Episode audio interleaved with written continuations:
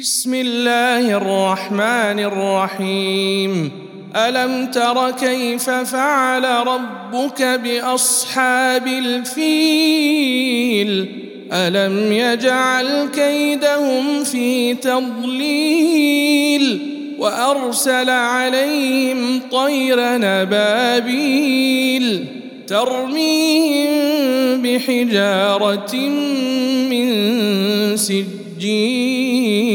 النيل فجعلهم كعصف ماكول.